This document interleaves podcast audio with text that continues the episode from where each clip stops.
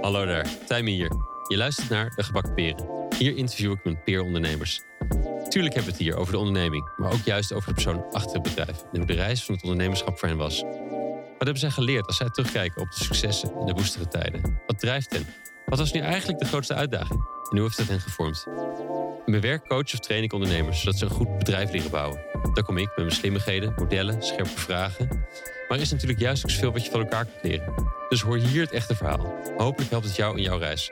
Misschien simpelweg door slim inzicht, maar nog meer door de steun, de peer support van erkenning. Ondernemerschap is de beste school voor persoonlijke ontwikkeling. Maar misschien kun je sommige lessen met minder schade en schande leren. Door slim te spieken. Of in dit geval door af te luisteren. Welkom terug bij dit nieuwe seizoen De Gebakken Peren. In deze aflevering is Vincent Dijnem te gast. Vincent is shamaan en regeneratief gids. Werkzaam vanuit de regeneratiecoöperatie en zijn eigen onderneming U-Turn begeleidt hij transformaties in mensen, organisaties en plekken. Dit doet hij door middel van teamcoaching, hulp en leiding geven vanuit het hart en begeleiding van rituelen en ceremonies. In mijn woorden, hij ruimt een boel op zodat de energie kan stromen. In dit gesprek hebben we het over het leven centraal stellen in teams en organisaties, de noodzaak voor drama en de rol van activisten in verandering, en over vitaliteit, energielekken en regeneratie. Dankjewel Vincent voor dit mooie gesprek. Je pad valt als een schitterende puzzel in elkaar. Een genot om je zo tien jaar later weer te zien en te zien hoeveel je gegroeid bent. En man oh man, heerlijk om te luisteren hoe strak je jouw transformatie en die ene die we als systeem te maken hebben weten verwoorden. Veel plezier met luisteren. Hier is Vincent Dijnen. Welkom Vincent. Yes. Welkom bij de, in de studio. Dankjewel. Leuk je, leuk je te zien. We zeiden net al, het, echt, het moet bijna wel tien jaar zijn geweest Een ongeveer. generatie verleden. Ja. Een generatie geleden. geleden. Ja. Ehm, nee, leuk je eh, en weer te zien en eigenlijk ook eens een keer echt eh, weer te zien. Eh, want we hebben natuurlijk wel een beetje samengewerkt, maar ook, ook niet. A, is dat een generatie geleden ongeveer. En, en B, ook, daar hebben we ook niet zoveel gewerkt. Dus het is leuk je te- ook zo weer te leren kennen. Hey, ik begin bij eh, gasten. eh, nou, ik ben benieuwd hoe, wie zij zijn, maar ook dus hoe, eh, hoe zij dat geworden zijn. Dus waar ze vandaan komen. Dus ik, ik was benieuwd of je ons een beetje mee kon nemen naar hoe, waar je opgroeide. En nou, ja, hoe zag je die gezinssituatie eruit? Hoe was, hoe was jij? Hoe was de dynamiek rond de, rond de eettafel? Ja. Als jullie s'avonds aten. Nou, ik ben geboren en getogen in de Jan van Galenstraat in Amsterdam. Mooi. en nou, getogen ook maar kort. Ik heb daar vijf jaar gewoond. En ehm, ik was de jongste van drie. En mijn broer was eh, zeven jaar ouder en mijn zus tien jaar ouder. Dus eh, dan is het het welbekende nakomelingetje. En eh, we woonden op de Jan van Galenstraat op één hoog boven het autobedrijf van Dijnem. Want dat was het autobedrijf van mijn vader en van mijn grootvader. Dus ik heb een, zeg maar een voorouderschap van autohandelaren en paard- en wagenhandelaren. En eh, heel veel ondernemers ook in mijn, de mannelijke lijn van mijn voorouders. Mijn, eh, de opa van mijn vader was een bakker, Oh ja. ook in Amsterdam. Ja. En eh, mijn grootoom was zeevaarder. En mijn oom was ook een tankstationhouder. Dus allemaal er- ergens in die hoek aan het ondernemen en avonturieren. en ehm, toen ik vijf was, zijn we verhuisd. Zijn we naar Uithoren verhuisd. En daar heb ik mijn jeugd doorgebracht. En, en ja, wat zal ik zeggen over dat gezin? Ik bedoel, ik ben heel warm opgevoed. Eh, en eh, wel in een gezin waar vader toch wel vaak aan het werk was. En wat minder thuis was. Dus eh, mijn moeder zorgde voor het gezin. En ehm, ja, heel vrij opgevoed ook. Dus mijn moeder was zo van, als je maar je diploma haalt. Dat was een soort van regel die gold. Ja. En daarbinnen mocht ik heel veel. en het leuke was, mijn moeder komt juist meer uit een toch wat armer gezin. Dus eh, haar eh, ouders eh, waren geloof ik ook van die Nivon-leden. Die gingen dan, ze hekelt het vaak. En toch praat ze er vaak over dat ze op de fiets dan gingen kamperen. En dan gingen ze weer naar zo'n Nivon-huis of zo'n kampeerterrein.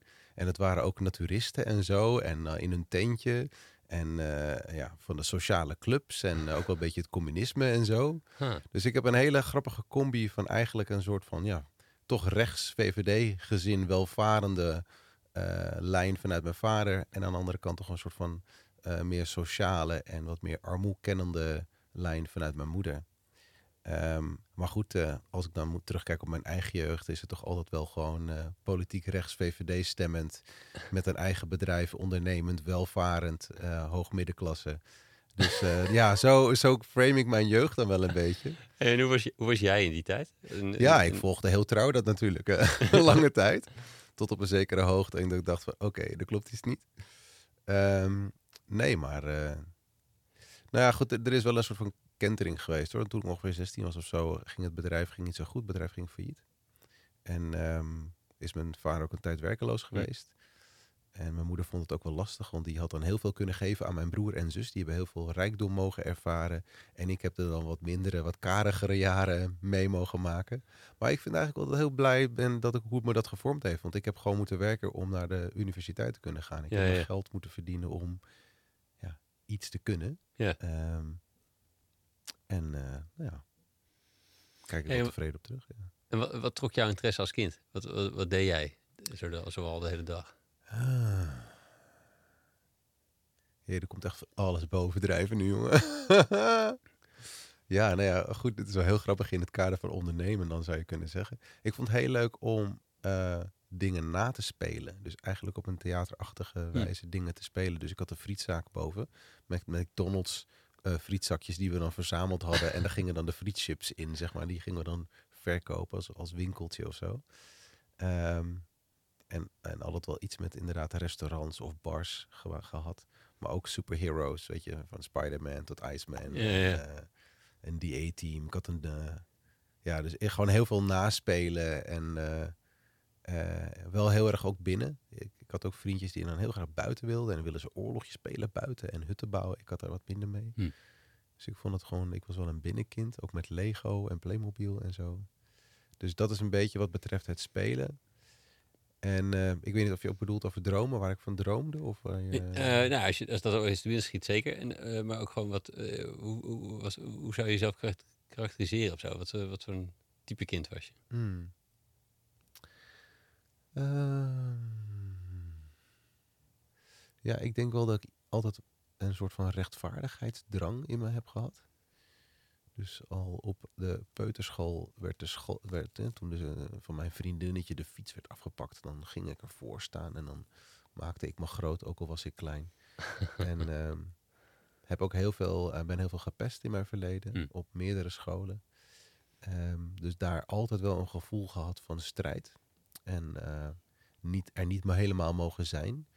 Uh, lastige relatie ook met, uh, met jongens. Jongens, ja, dit, hoor je bij de groep ja of de nee. Dus ik speelde toch ook overwegend veel met de meiden. Dus My Little Pony vond ik ook hartstikke leuk. en, dus, um, ja, dus als kind zijnde heb ik niet echt goed kunnen floreren, Hmm. zou ik wel durven zeggen. Dus ik denk dat waar ik een heel groot fantasie had en dus rechtvaardigheidsdrang en um, graag mezelf wil uiten en contact wil leggen met anderen, kon dat eigenlijk nauwelijks, omdat ik altijd buitengesloten werd. Ja. Dus ik denk als je mij een aantal jaar geleden had gesproken en deze vraag had gesteld, dan had ik misschien gezegd van ja, dat is een zwarte bladzijde uit mijn jeugd. Laat maar zitten. Um, en ja, ik heb er nu veel meer vrede mee en, en ik kan daar op een andere manier naar kijken. Maar ik zou niet kunnen zeggen van, oh, ik was echt nou zo'n soort kind of zo'n soort kind. Want Nee, ja, snap. ik heb gewoon andere realiteiten gekend. Ja, Ja. ja.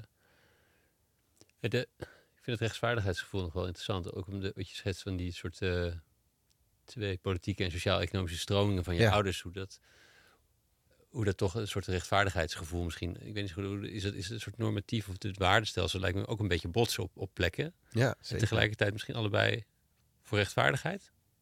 Nou, hoe, ik denk Hoe mengt dat? Ja, nou, het rechtvaardigheid kwam echt uit mezelf. Het is niet iets wat mij meegegeven is Mm. of zo. Nee, ik heb helemaal niet... eh, mijn ouders zijn daar helemaal niet zo mee bezig. Die... ehm, hè, als ik kijk naar de opvoeding van mijn vader en hoe hij gevormd is... is het ook gewoon van, ja, weet je, gewoon werk. Hè, gewoon arbeid en... ehm, zorgen dat je een succesvol bedrijf hebt. En vanuit mijn moeder is het veel meer een soort van, nou, geniet gewoon maar van het leven.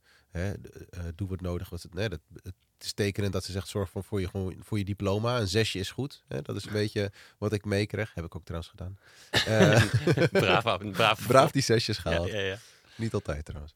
En, uh, maar meer vanuit het principe zo van, uh, werk jezelf niet over de kop. Of mm. ik heb niet iemand gehad naast mij die mij echt zei van, je moet ervoor gaan en hard werken en de top bereiken. En, uh, op, en, en idem dietem wat betreft rechtvaardigheid. Dus heel erg praten over wat er allemaal mis is en dan moeten we tegen strijden. Dus niet dat dat, dat mij met de paplepel is ingegoten. Het kwam meer uit mijzelf, dat rechtvaardigheidsprincipe. Dus het leeft al in mij.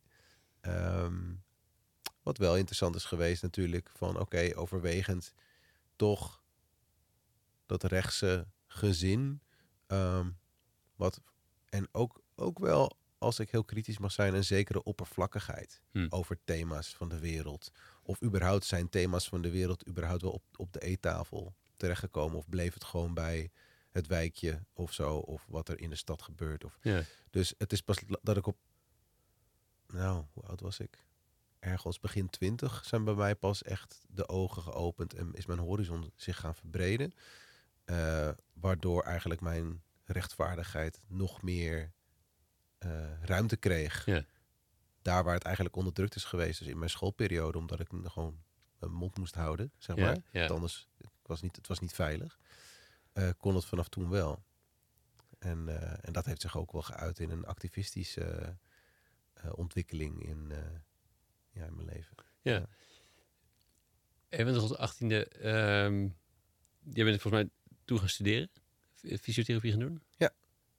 Um, ik, ben even, ik twijfel even of, of, of dat logisch is om daar nu even, even stil te zijn waarom je dat deed. Of dat het Ja. ook misschien de, de, de die je net noemde. Ben ik nou ook, natuurlijk ook even benieuwd naar hoe, hoe dat, hoe dat ontstaat, ontstond. Is dat ervoor of erna, zeg maar? Ja, ik kan ze alle twee wel uh, in één uh, Mm. nummer gooien hoor. Want ja, het, eigenlijk heeft het ook weer een beetje met het oppervlakkige, onnadenkende te maken. Zo van, en dat is ook wel gewoon hoe, hoe ik een groot deel van mijn leven heb geleefd. Zo van, nou, fuck it, let's do this. Dus weet je, ik flow heel erg. Ik ga gewoon met wat er op mijn pad komt. En dat doe ik trouwens nog steeds. Uh, al is het nu wat bewuster dan destijds, want je bent gewoon jong. Hè? Je bent jong en je wil wat. Ja. En je, je gaat gewoon En je maar wat doen. maar wat. Ja, ik doe maar wat. En nou ja, ook wel bij dat ik gepest was natuurlijk. Dat ik dacht van ja, weet je, op een gegeven moment ga je toch ergens proberen erbij te horen. Mhm. Dus uh, dan heb je de gabbertijd. Dan heb je in één keer je, je hoofd half kaal geschoren met je aussie aan. En dan probeer je daarbij te horen. Nou ja, dat lukte niet echt. Dus laat maar zitten. Dan gaan we een leren jas aan doen. Dan ben ik in één keer heel stoer. En dan hang ik met de gasten die drugs dealen. En dan is dat in één keer heel stoer. Uh, dus ergens probeerde ik me ergens te conformeren aan, uh, aan iets. En zo ben ik ook met hip-hop in aanraking gekomen. En nou, dat was tof. Nou ja, let's give it a try. En heel veel Snoop Dogg en Notorious B.I.G. luisteren en zo. Nou, zelf gaan schrijven. En dus eigenlijk helemaal een hip-hop richting opgekomen. Nou ja, en um, ja, wat, wat ga je dan doen als, als oppervlakkige witte jonge jongen? Uh, dan denk je, oh, het is gewoon heel stoer. En ik ga ook heel stoer schrijven, ook al ben je helemaal niet stoer. En heb je, kom je gewoon uit de middenklasse, weet je. Het gaat helemaal nergens over. Ja. Dus... Uh, is ook een soort theater naspelen of zo. Ja, ja, ja, het is ook een, een rol, zeg Ja. maar. En de identiteit vormen waar eigenlijk geen identiteit zit. En dat is ook wel mooi, want dat, ook dat heeft toen een wending gekregen... op het moment dat ik dus uh, persoonlijk tegen de lamp liep. Uh, en, en dus die, die rechtvaardigheid uh, strijder in mij of de wereldverbeteraar in mij die toen meer ruimte kreeg. Dat gebeurde ook in mijn muziek. Dus ik heb het braggen en boasten achter me gelaten. Um, en ik ben veel meer teksten gaan schrijven die in het teken stonden van uh, ja, de problematiek in de wereld. Hmm. Dus veel bewustere vorm van teksten en boodschappen die ik probeerde te brengen. En fysiotherapie is eigenlijk een beetje hetzelfde gegaan. Ik, ik had mijn VWO nou, met een jaartje vertraging afgerond. En daarna ben ik in de studio's van Endemol gaan werken als uh, klapveezoeker. Zeg maar, publiekstrekker voor, Ja. uh, voor wie ben ik en uh, weet ik het allemaal, wat voor tv-shows daar. En ja, daar heb ik een jaartje gewerkt. Ook gewoon vanuit, ik heb geen idee wat ik wil gaan doen. En daarna had ik me ingeschreven voor fysiotherapieopleiding. Ik heb auditie gedaan bij muziekschool en ik wilde kok worden. Ja. Nou ja, wie van de drie? Ja. En ik werd ingelood bij fysiotherapie, dus ik ben dat gaan doen. Ja. Dus dat was echt gewoon, ja. En uh, ook nog een tijdje overwogen om dierenarts te worden. Maar toen hoorde ik dat je toch veelal dan met je arm in een koe of in een paard moet zitten. En toen dacht ik, oké, dat gaan we niet doen. Ja, jij dacht dat je nog uh, een L beter mocht maken of zo. Ja, ja. ja. Heb je nog een soort goed doen idee erbij? Nee, maar dat, uh, maar dat is het niveau waarop ik toen dacht. Hè, hoe ik toen de wereld bekeek. En toen dacht ik van, nou, dan gaan we gewoon fysiotherapie doen. En um, ja, dat ging me eigenlijk heel goed af. En bij fysiotherapie is eigenlijk als ik daarover vertel, dan vind ik eigenlijk de, het vetste deel van fysiotherapie vond ik ontspanningstherapie en uh, cognitieve gedragstherapie. Ja. En er was daar een, een, docent en die zei tegen mij: uh, Ik denk dat over vijf jaar of tien jaar, als jullie in de praktijk staan, dat jullie eigenlijk alleen maar bezig zullen zijn met het behandelen van psychosomatische klachten, stressklachten. Waarbij klachten eigenlijk gezien zullen worden als 80% psychosociaal, en slechts 20% werkelijk fysiek traumatisch of fysiologische problematiek.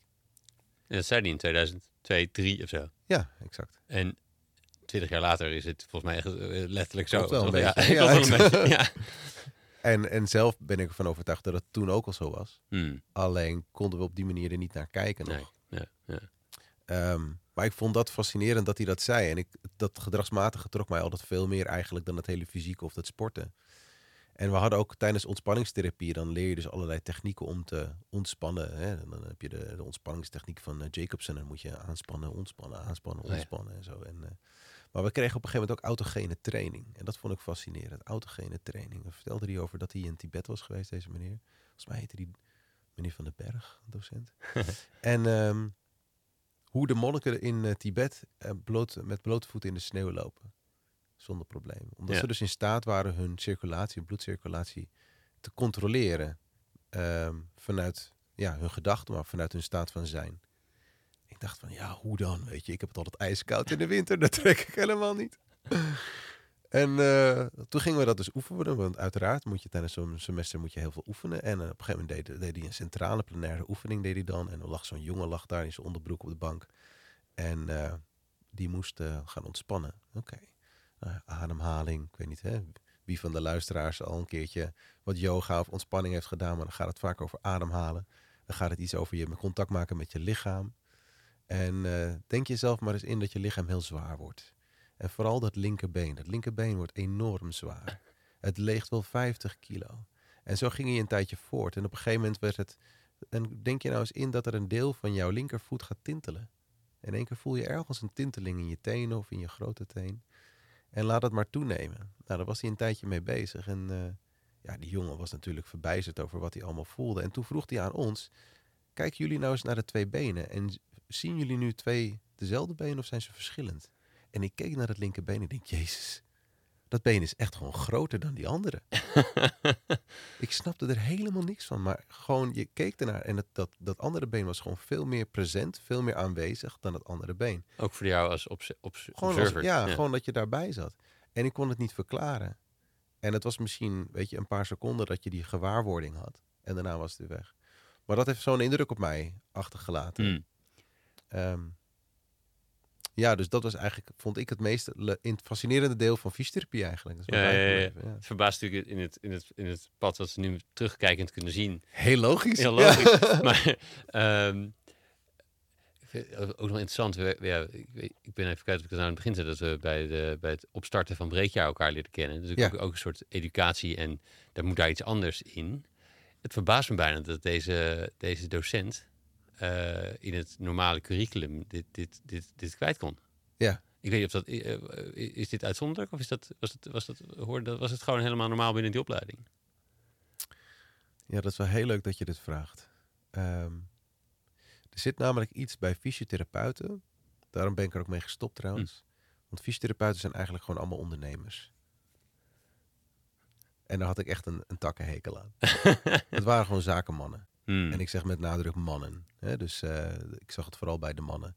Dat waren toch gewoon vlugge jongens, uh, vaak sportgefocust. Hè? Even een, een, maatschapje opzetten. Hup, en hoe kunnen we nog meer klanten bereiken? Yeah.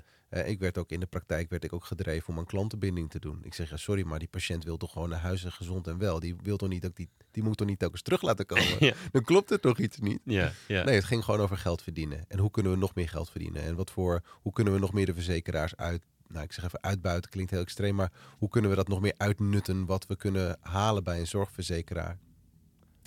Ehm, dat, dat is dan ook, weet je, de beetje de buitenkant van die van de fysiotherapeut, weet je wel. Dat, uh, maar ondertussen zijn er ook fysiotherapeuten ja, die toch best wel een holistische kijk hebben op ja. uh, het lichaam en uh, de mens en hoe we zijn als mens.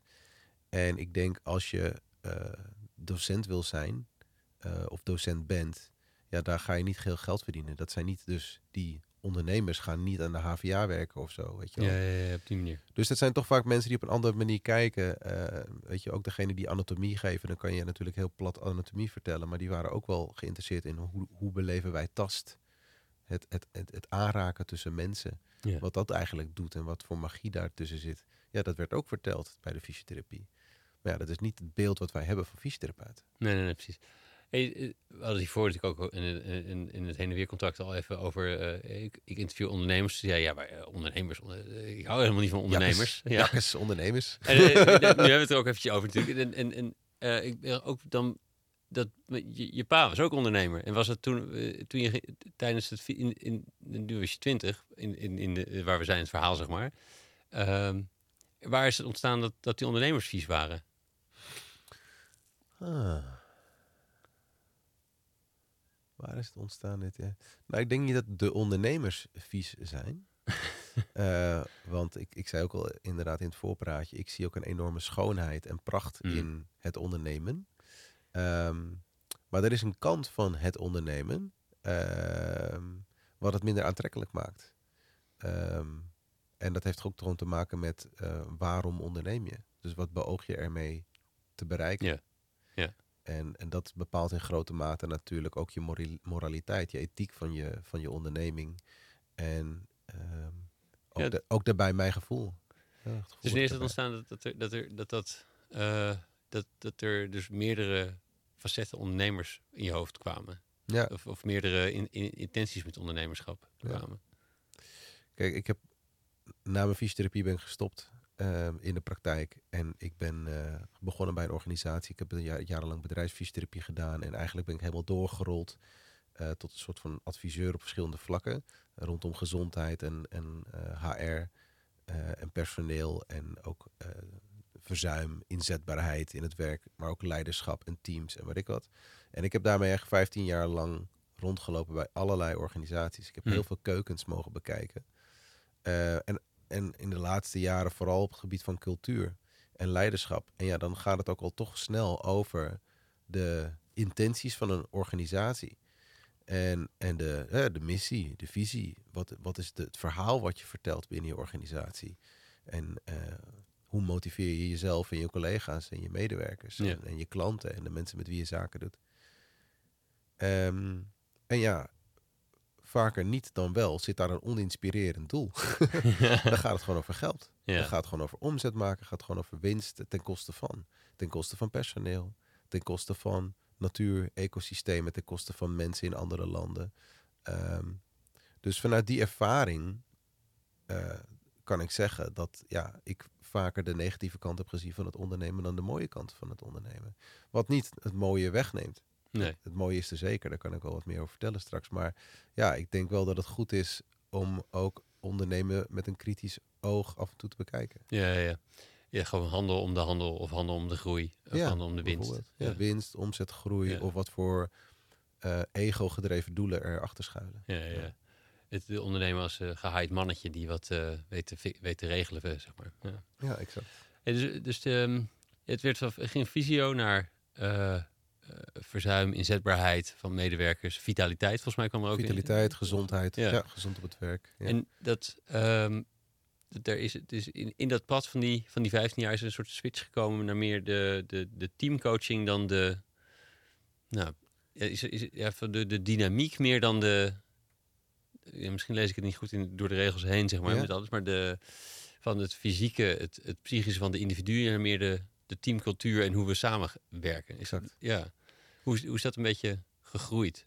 Nou ja, tijdens de studie van fysiotherapie zei ik al, had ik meer oog voor gedrag. En mijn moeder zei altijd, je had psychologie moeten studeren. Ik denk, ja jeetje, dan moet ik vier jaar in de universiteit gaan zitten. Dat duurt me te lang. Dat is te veel, moet ik daarna weer specialiseren, weet ik wat.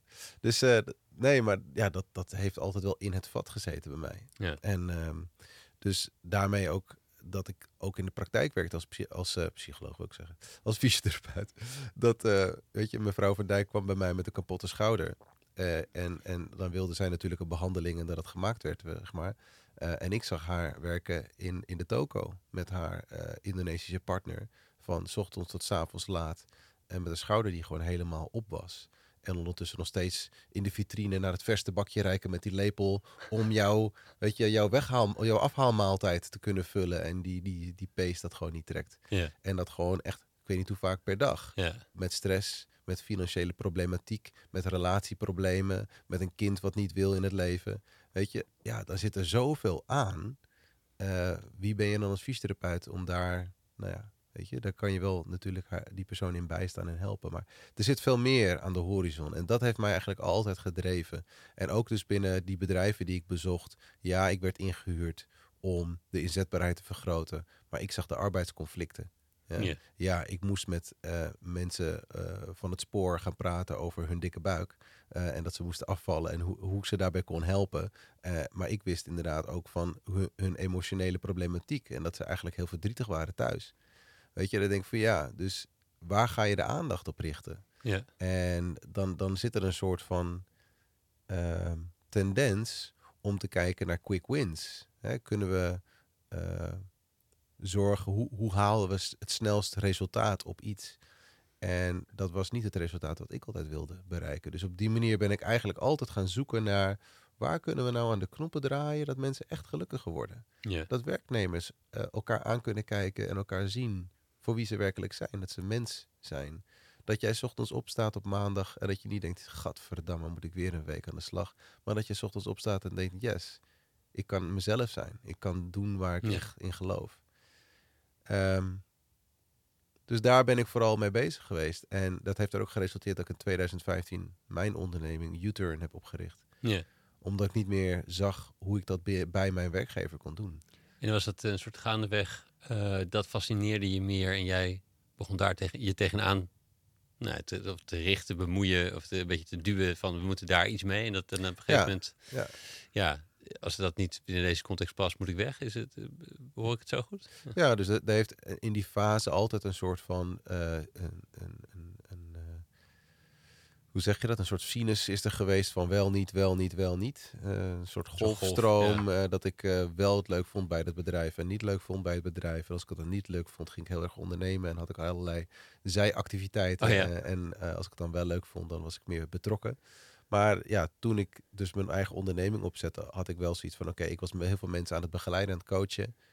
En het was voor mij dus te nauw. Het was voor mij dat gebied waar ik in mocht coachen. Dat was vitaliteitscoaching destijds. Het was voor mij veel te krap. En dat is wat je zelfstandig deed eh, binnen U-turn. Nee, dat deed ik dus bij dat bedrijf. Bij het bedrijf vitaliteitscoaching. Ja, ja, en ik wilde dat coaching veel Ja. breder, veel holistischer coachen. En mensen begeleiden in hun ontwikkeling. Dus dat ben ik ook gaan doen. En ehm, ja, sinds 2015 is dat, is Ja, dat zeg ja. maar een beetje gestart. En, eh, hoe kwam het dat jij dat... Dat was niet de, het, het fascineerde je tijdens je studie. En het, eh, maar binnen het bedrijf was het niet per se de vraag altijd. Maar toch zag jij die, die dat soort dingen. Waar, waar, waar komt dat vandaan? Dat je, dat, dat, dat je daar oog voor had. Aha. Hoe heb, je- hoe heb je dat eigen gemaakt? Of is dat iets wat... Ja, dat is diezelfde natuur waardoor mijn moeder zei: ga psychologie studeren. Hmm. Ik had een soort van eh, natuurlijk talent om mensen te lezen. Ik voel gewoon heel snel aan eh, wat er leeft bij iemand. En fysiotherapie heeft me daar wel bij geholpen, omdat ik daardoor heel erg bewust ben geworden van lichamen. Dus ik kan aan iemand zijn lichaamshouding vaak al zien of hoe iemand loopt op straat. Ja. Zie ik al waar spanning en waar ontspanning zitten en welke regio dat betreft. En nou ja, met mijn kennis van nu kan ik daar zelf al nou over nadenken. Hey, dat heeft met die en die chakra te maken of daar zit in dit patroon. Of ik voel al aan iemands energie gelijk al wat er, wat er speelt. Als ik maar daarop in, op ik daar, als ik daarop intune, zeg maar. De, maar dat lezen, dat heeft er eigenlijk van nature altijd wel ingezeten. Is, is het, heeft het, is het misschien te snel bedacht, maar de, de onveilige schoolsituaties maakt ook dat je je schoolplein moet lezen. Ja, zeker. En van hoe wat... eh, Rekening houden. met- Ja, heel ja. bedachtzaam zijn, op je tenen lopen, goed om je heen kijken. En ook heel erg, ja, als ik dan... eh, ik was heel bekwaam met kletsen. hm. Ik kon mensen die me eigenlijk wilden slaan, kon ik heel goed aan het woord houden. Ja, Om het uit te stellen. of- uit te stellen, ja, natuurlijk. Een soort van uitstel van executie. Dit is dus ook dat de is een superhero skill. move om de supervillain... eh, Ja, het, eh, Keep eerst- them talking, Ja. keep them talking. ja, Ja. dus Ja. dat wordt dan uiteindelijk ook natuurlijk een vaardigheid die je, die je ontwikkelt. Dus ja. Hey, hoe ging dat verder? Dus, dus, dus in 2015 eh, gestopt daar. En, en eh, dat is al een beetje nadat wij natuurlijk elkaar troffen bij Breekjaar. En, en eh, hoe, hoe is het gegaan? Want toen, had je, toen zat je nog steeds in een soort van jeugdige flow van... eh, ik kijk wel wat er gebeurt. Of is het, was dat al wat, moest je toen nog wat serieuzere afwegingen maken? Of, Nee, ik ben niet gestopt toen bij die werkgever. Mm. Dus ik ben wel, ik heb mijn onderneming gestart. Ik ben één dag minder gaan werken. oh ja, En ik heb het eigenlijk best wel. Ik ben pas in 2019 gestopt. Ik heb eh, ondertussen ook eh, een, een dochter gekregen. 2017. Dus toen ben ik ook drie dagen gaan werken. ja. En eigenlijk ehm, veel meer thuis. Ik had een langer verlangen om eigenlijk gewoon veel minder te werken. Ik vond werk eigenlijk gewoon belachelijk. Gewoon zoveel werken, dat slaat nergens op. Dus eh, ik wil leven. En eh, ja, werken past daar heel mooi bij. Mits het echt ook voldoet aan jouw missie en jouw motivatie en wie jij bent. Ehm, en dan mag er een heel mooie balans zijn. En dat, eh, dat vond toen ook plaats. Dus toen eh, Mira, mijn dochter, in mijn leven kwam, eh, ben ik minder gaan werken. En ehm, ja, pas in 2019 echt de, de knoop doorgehakt. Ja. Om eh, volledig te freelancen. En toen, ja, ik heb eigenlijk daarin altijd wel... Natuurlijk zijn er wel wat gespannen momenten dat je overweegt... Oeh, moet ik het nou wel doen, moet ik het nou niet doen, moet ik het wel, dan moet ik het niet doen. Maar ja, ook, ik, ik, bleef, ik behield ja, wel die, die flow, zeg maar, wat je nu net zei. Van oké, ik het, het, gebeurt, het gebeurt mij toch over het algemeen wel. En die spanning zit dan, is dat is een financiële spanning? Van eh, Ja, de zekerheid van een, van een inkomen is wel Ja. lekker. Zeker als je op- intussen ook een dochter hebt. Ja. Ja, exact. Ja. Ja. Dan wordt het toch serieuzer. Ja. Dat, is toch, dat was makkelijker vroeger. Exact. Ja, ja, ja. ja. ja. Ja.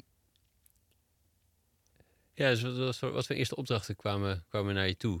Dus, die was eerst deed je als zelfstandig dingen, dus dat, dat, werd meer. Dus eh, gewoon een beetje om een beeld te krijgen wat voor, wat voor een palet aan, eh, aan type klussen deed je.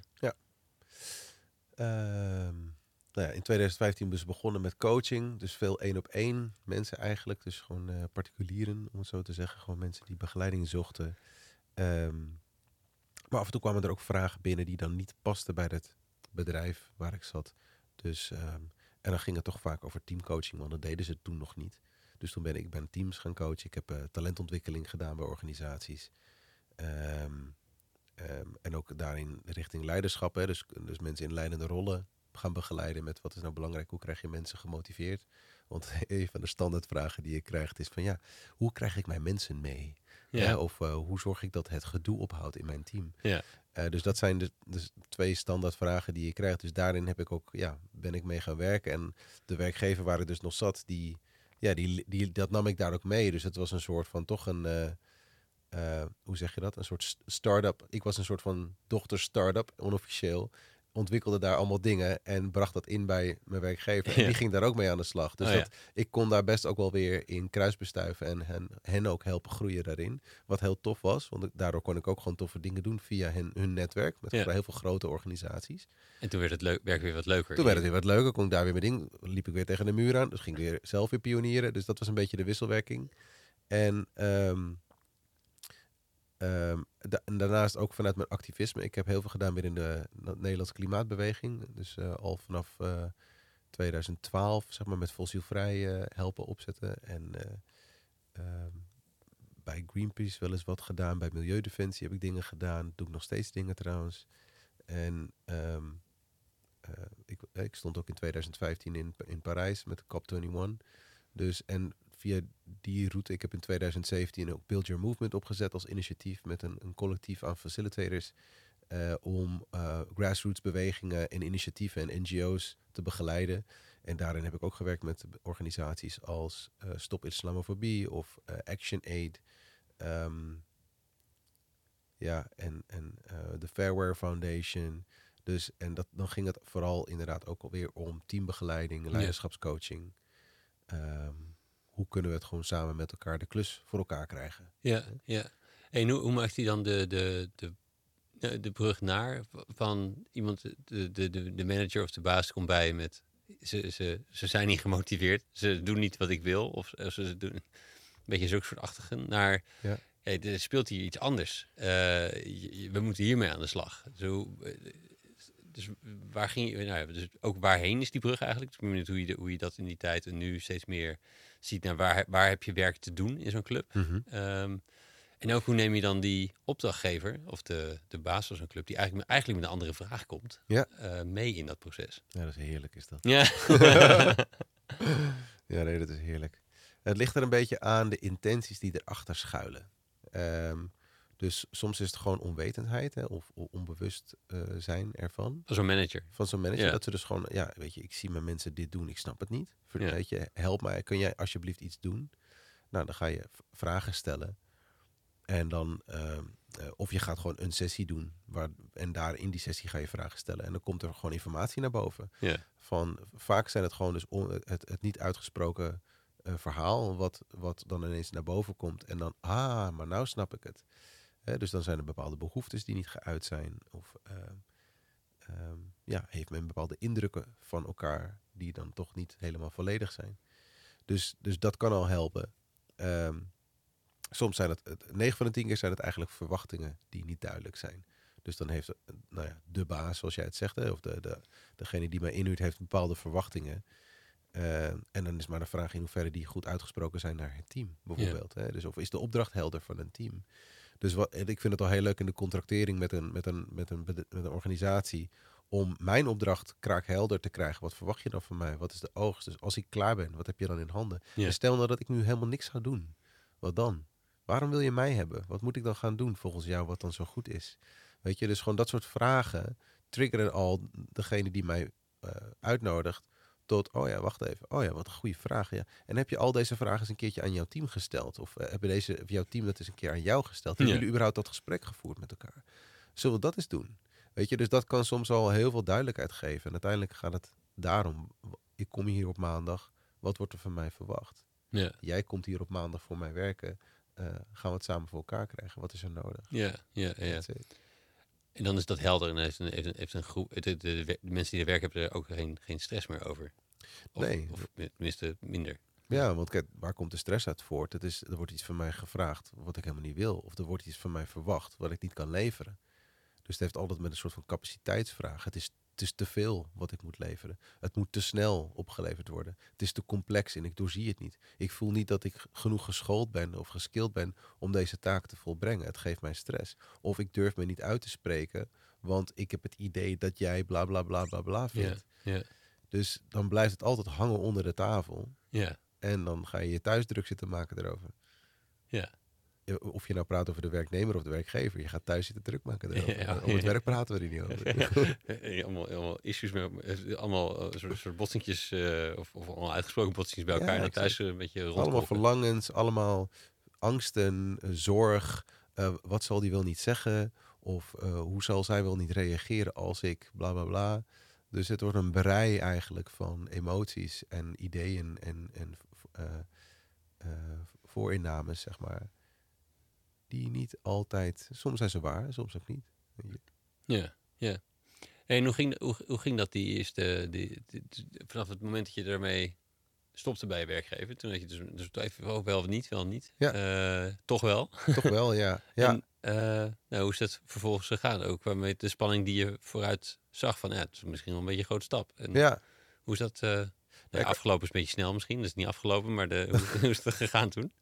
Nou, ik had het voordeel dat eigenlijk toen ik eh, in die lente van 2019 aan het overwegen was van oké, ik, het- ik had een, er was een gebeurtenis op het werk en ik was oké, nu ben ik er helemaal klaar mee. Dit was een duidelijk signaal. Dit is niet mijn plek meer. Ik moet weg. En mijn toenmalige teamleider zei ook van nou Vincent, dit is het. Hè? Je gaat nu weg. hè?" Ik zei ja, ik ga nu weg. Maar je had het gesprek natuurlijk toen al vijf jaar gehad of zo. Ja, ja, ja. Ik had volgens mij vier, vier, vijf jaar daarvoor al een keer een tijdelijke teamleider. Die ging met mij zitten en ging wel koffie drinken, want die moest even weten wie ik was. En die zei, dus eh even zijn eerste vraag, wanneer ga je vertrekken? Oh ja? Geweld, ja, geweld, echt elke leidinggevende die nu luistert naar dit gesprek, is een van de mooiste vragen die je kan stellen aan je werknemer. Maar hij was, hij was tijdelijk of nieuw? En, en- Eh, mijn teamleider vertrok toen en dus hij moest tijdelijk ons team waarnemen. En toen ging hij gesprekjes voeren met alle teamleden. Maar waarom had hij het idee dan dat jij wegging? Nee, hij was gewoon nieuwsgierig. Je Oh. werkt al zo lang bij ons. Oh ja. Weet je, Ja, je ja, kunt ja. eigenlijk zeggen, iemand die al vijf jaar bij je werkt, waarom werkt hij nog steeds bij je? Kun je afvragen. Ja. Hè, wetende dat de meeste, zeker bij nieuwe mensen, werken één tot twee jaar bij je en dan gaan ze hoppen. En maar mensen die langer dan vijf of zeven jaar bij je werken, die, die veranderen ook in hun flexibiliteit en veranderbereidheid. Ja.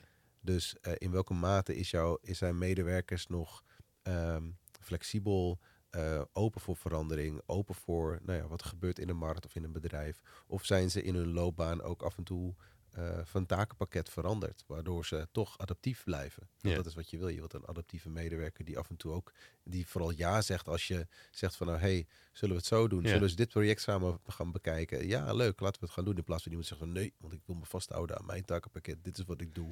Ik doe dit al jaren zo. Ik ga het nooit veranderen. Ja. Weet je wel, dus... ehm,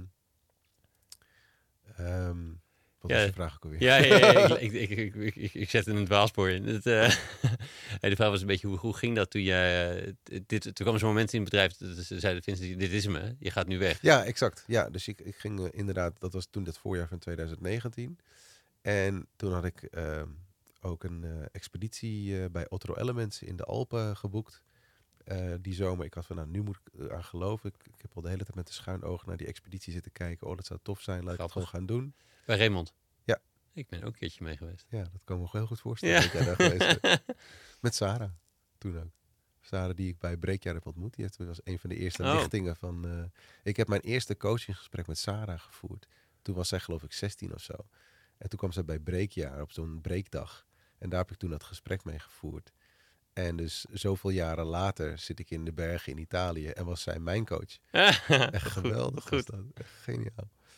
Dus die had ik geboekt. Zo van, nou, dan kan ik mooi even reflecteren op wat ik wil gaan doen. Maar toen kwam eigenlijk gemeente Amsterdam met een project bij me, langs.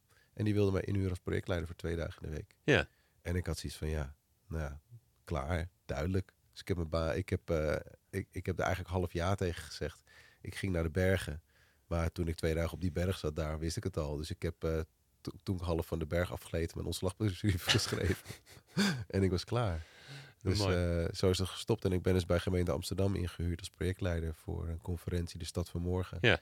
Eh, in samenwerking met TNI, of eh, ja, TNI, Transnational Institute.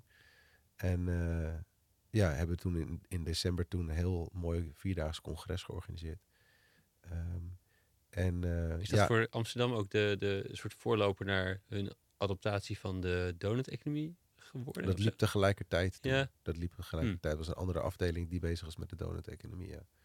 Dus, ehm, maar dat ging heel erg over de 99 wijken van Amsterdam. Oh ja. En hoe kunnen we zorgen dat de burgers meer het- de, de macht in handen hebben. En eh, dat je dus vanuit, eh, de, de- dat heette dan de municipalistische beweging. Dus de beweging van steden die eigenlijk de sociale voorzieningen weer terug in de handen van de burgers willen brengen. Ja, in plaats van de privatisering die gaande is. En eh, nou ja, dat ging over alle complexiteiten die er nu zijn rondom eh, woningen, zorg, onderwijs, energie. ehm, eh, en en nou ja, de, de, de, schaarse plek voor ongedocumenteerden en migranten. En dus heel veel dat soort sociale problematiek. Hoe kunnen we daar als burgers samen anders mee omgaan? En dat, ehm, ehm, ja, dus dat, dat heb ik toen mogen organiseren. En dat, dat gaf voor mij eigenlijk eh, ja, een mooie eerste opdracht. Eh, waardoor ik gewoon heel duidelijk ja kon zeggen eigenlijk. Eh, en toen was het januari 2020. En toen had ik zoiets van, oké, ik heb nu een lege agenda, wat nu? Dus toen heb ik wel een, weekje wat spanning gehad. Maar ik zeg, echt, ik, ik zeg letterlijk een weekje, want het was maar gewoon echt van korte duur. Want ja, weet je, dat is ook een beetje hoe ik mijn leven... Dan gebeurt er van alles en ik ga met die flow en dan spreek ik mensen... en dan komt er weer een opdracht binnen. En eh, twee maanden later of drie maanden later eh, was het COVID... Ja. alle, alle hens aan dek. Poef, weer agenda leeg. Toen dacht ik weer even, oké, hoe gaat dit nu zijn? Maar toen ben ik gewoon, eh, ja, ook daar, ook dat heeft zichzelf weer opgelost. Dus eigenlijk, ja, heb ik daar al gelijk mijn les geleerd van, oké, weet je, don't worry. Ja, dus veel zelfstandigen kost het wel een jaar of vijf, zes, zeven. Om echt een soort van vertrouwen te hebben. Om dat die opdrachten wel weer komen of zo. Dat je een soort van body van netwerk of uit mensen Ja. die jou kennen. Of dat je, dat je dat een beetje opbouwt door de jaren heen. En dat, Ja. dat je daardoor altijd wel een soort van... Ook de ups en downs een paar keer hebt gezien. Van seizoenen die, die een beetje in het werk kunnen zitten. Eh, eh, waarom had jij dat meteen al? Nou ja, misschien heb ik dat wel gehad. Als, ik, als je zegt van nou, zes jaar. Nou ja, misschien is het wat korter dan. Maar Ja, in 2015 begonnen. Hè, oké, fair en- enough. Ja. Ja, dus ik, dan, heb je al, dan ben je al even bezig. En ja, ik heb natuurlijk dan ook een heel groot netwerk via die, die organisaties, maar ook via het activisme, via de grassroots, via de NGO's. eh, ook via in, heel veel in overheid. Dus ja, dan heb ik eigenlijk ook wel gewoon een netwerk, denk ik dan. Ehm, Ja, Ja. dus ik denk dat die jaren al een beetje spelen buiten de deur. Misschien nog wel minder meetellen dan, die, eh, dan dat netwerk wat je eigenlijk eh, door alles wat je al die tijd al wel gedaan hebt. Dat het gewoon het. eh, maar dus hoeft, er hoeft er niet een. Het hoeft er niet met, met door de jaren heen opgebouwd vertrouwen te worden. Dat is wel interessant. Dat, dat is eigenlijk binnen een jaar, of eigenlijk, je, je, je- zegt, je zei het op, dat, dat had je wel gedaan, zeg maar. Of nee, het ontslagbrief nog een beetje in je hoofd zitten. ja, en het hielp natuurlijk dat die, dat die opdracht klaar staat. Ja, om zeker gelijk weten. in te springen. En dan is het opeens, oh ja, de januari, moeilijk. En wat ook wel hielp was dus de organisatie waar ik wegging. eh, omdat ik best wel eh, een eigen portefeuille had van activiteiten. Hmm. eh, wilden ze mij ook nog wel bepaal, voor bepaalde projecten inzetten. Dus dat moet ik ook nog wel bij me noemen bij Ja, nu. Dus die huurde mij ook nog wel af en toe in voor projecten om dat uit te voeren. Dat helpt ook. Ja, dus. Dat, dan heb je toch wel iets wat er binnenkomt. Ja. Ehm, soort buffer vangennetje. ja, exact. Dus Ja. dat, is, dat, is, dat is niet on- onvervelend. Hoe zeg je dat? Ja. Hey, eh, misschien eh, voor luisteraar verrassend of een soort compleet andere hak op de tak of zo. Maar Sardinië, ja. hoe, hoe, dat is ongeveer ook 2020, als ik me goed herinner. Dat, Klopt, jij, ja. dat, jullie opeens dachten, we moeten Ja. een huis hebben daar. Ja, ja. Hoe is dat ontstaan? En kun je vertellen waar- waarom je dat zo graag wilde en, en, en hoe dat daar is? Zeker. Ja. Ja, nee, dat is echt een heel romantisch verhaal zelfs. Oké, maak je Ja. Kom maar op. Dus ik, ja, ik, ik, ik kom al 16 jaar op Sardinië vanwege eh, de vrouwen met wie ik ben. Hmm. En eh 16 jaar geleden hebben we elkaar ontmoet. En zij komt uit Sardinië. Ehm, en daarnaast heb ik ergens, weet je, ken je de film Gladiator? Mhm. Dan heb je dat mooie huis met die cipressen, met zo'n oprit, weet je wel, zo dat eh, prachtige landschap en zo. Ja. Daar heb ik altijd al van gedroomd. en ook altijd al gedroomd van Italië. Ondanks dat ik er nooit geweest was toen ik jong was. Maar altijd iets met Italië gehad. En, eh, en eh, plots ontmoet ik dus een, een vrouw, een Italiaanse vrouw, een Sardijnse vrouw, bovenal. En kom ik daar in één keer heel vaak. En toen ik dus in de Alpen zat, bovenop de berg, eh, bundelde eigenlijk dat verlangen van Italië en een huis zich met het idee van het organiseren van retreats. Ook dat, eh, ik heb ooit een keer een workshop gedaan bij iemand. Eh, oh, dat is ook van Breekjaar. Hoe heet hij ook alweer? Joris? Heet hij? Nee? Die, die, de, die de, het hele programma vorm gaf. Ah, Ik weet even zijn naam niet meer. oh, dit, oh, sorry. Ja, Joris. Wel Joris, Martens. Ja, Martens, ja, zie je, Joris. sorry Joris. ik wou net zeggen wel, Joris. En eh, die gaf een workshop. Daar ben ik toen bij hem een keer geweest.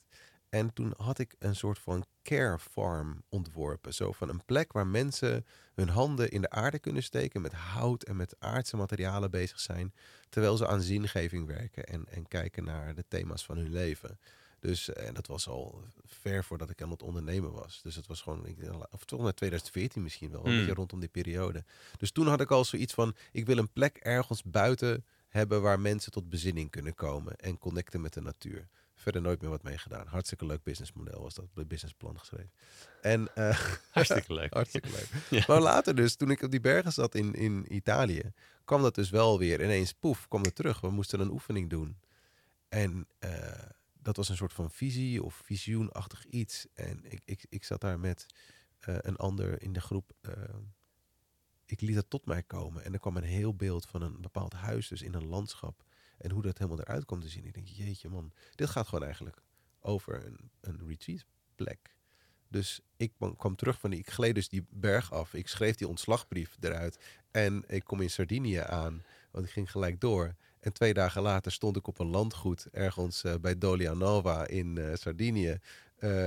te kijken naar zoveel hectare land dat ik ging kopen. Dat ging echt super hard. Uiteindelijk heb ik die niet kunnen kopen, want de, de volgende ochtend, ik was reet enthousiast erover, volgende ochtend bel ik die eigenaar, die zegt, nee, sorry, verkocht. Ik zeg, hoe kan dat nou? Ik was die gisteren. Ja, nee, het is al verkocht, zo snel gaat het. Ik denk, nou ja, het heeft zo moeten zijn. Kennelijk mocht ik even proeven hmm. aan het idee van ja, een stuk land met een huis en hoe dat zou zijn. Uh, maar daar is dat wel, zo is dat begonnen. En uh, nou, na vele plekjes bezoeken op het eiland, stopte ik er ook mee. Want ik dacht, het vloeit niet. Dus hier komt weer mijn, mijn modus operandi naar voren. Van ja, ik ben niet iemand die gaat lopen duwen, trekken, jagen. Dat is niet meer hoe ik het wil doen. Hmm. Uh, ik ben geen ondernemer, kom op zeg. En, uh, moet niet op werk gaan lijken. exact. Dus ik dacht, het vloeit niet. Dus dit, dit moet ik niet doen. En toen dacht ik van, oké, wat is nou het meest voor de hand liggend? En toen dacht ik in één keer van, maar wacht nou even. De opa, het, het, het, ouderlijk huis zeg maar, van mijn schoonvader. Dus de, de opa en oma van, van Francesca, mijn partner. Die, die waren overleden. En uh, dat huis stond al hele lange tijd leeg. En toen dacht ik echt van, ja, wat gebeurt daar eigenlijk mee? Dus hmm. dat vroeg ik uit. Nou bleek dus dat hij leeg stond, dat ze het wilden verkopen, maar het lukte niet, bla bla bla. Nou ja, puntje bij paaltje heb ik dat huis overgenomen en had ik een plek en ben ik in 2020 daar uh, expedities gaan organiseren voor mensen. Ja. ja. En uh, dus hebben jullie samen gekocht, neem ik aan. Ja. Of was van Francesca hier geen zin in? Dat, dat, was ook grappig Ze had er geen zin in, maar ze heeft het wel gekocht. nee, het heeft ook, ja, het, is, het, heeft ook iets met gewoon met familie te maken. Dus hmm. ik heb ook bij. Ja, ja daarom moet je het wel willen ook, denk ik. Als, ja. Uh, ja. En dat was ook gewoon voor de familie was het een aderlating. Want iedereen had zoiets van, wat doen we met het huis? We willen het niet kwijt, maar weet je, het staat er maar. Dus toen ik het helemaal gerenoveerd had, heb ik de hele familie uitgenodigd. Hebben een opening gedaan. Nou, dat was heel, heel mooi. Dat is echt... Uh, Sardijnen zijn hele nuchtere, gesloten mensen. Het lijken net zeeuwen. en uh, heel ingetogen. Maar heel veel emotie was er toen aanwezig van het feit van... oh, dit huis ziet er gewoon weer uit zoals het vroeger was. Ongelooflijk. Hoe lang hebben jullie daar gezeten? Om, om zelf te klussen allemaal? Of? Ik heb zelf ja, met een, ook wel een lokale aannemer uh, gewerkt. Om het, zo, ik denk, ja, het zal zijn een halfjaartje of zo. Ja, dat, was, dat was tijdens COVID. Of tenminste in die periode ook. Dat je, ja, dat toch hoogtijden van COVID vloog ik heen en weer. ja. Keer een bufferweek. Code om, rood met drie mondkapjes op. ja, ja, ja, ja. Het is grappig hoe we uh, zo snel weer ook weer ontwend te zijn aan die situatie. Hoe snel we eraan wenden, mm. uh, konden wennen of zo. En uh, dat, dat, dat zegt ook wel iets over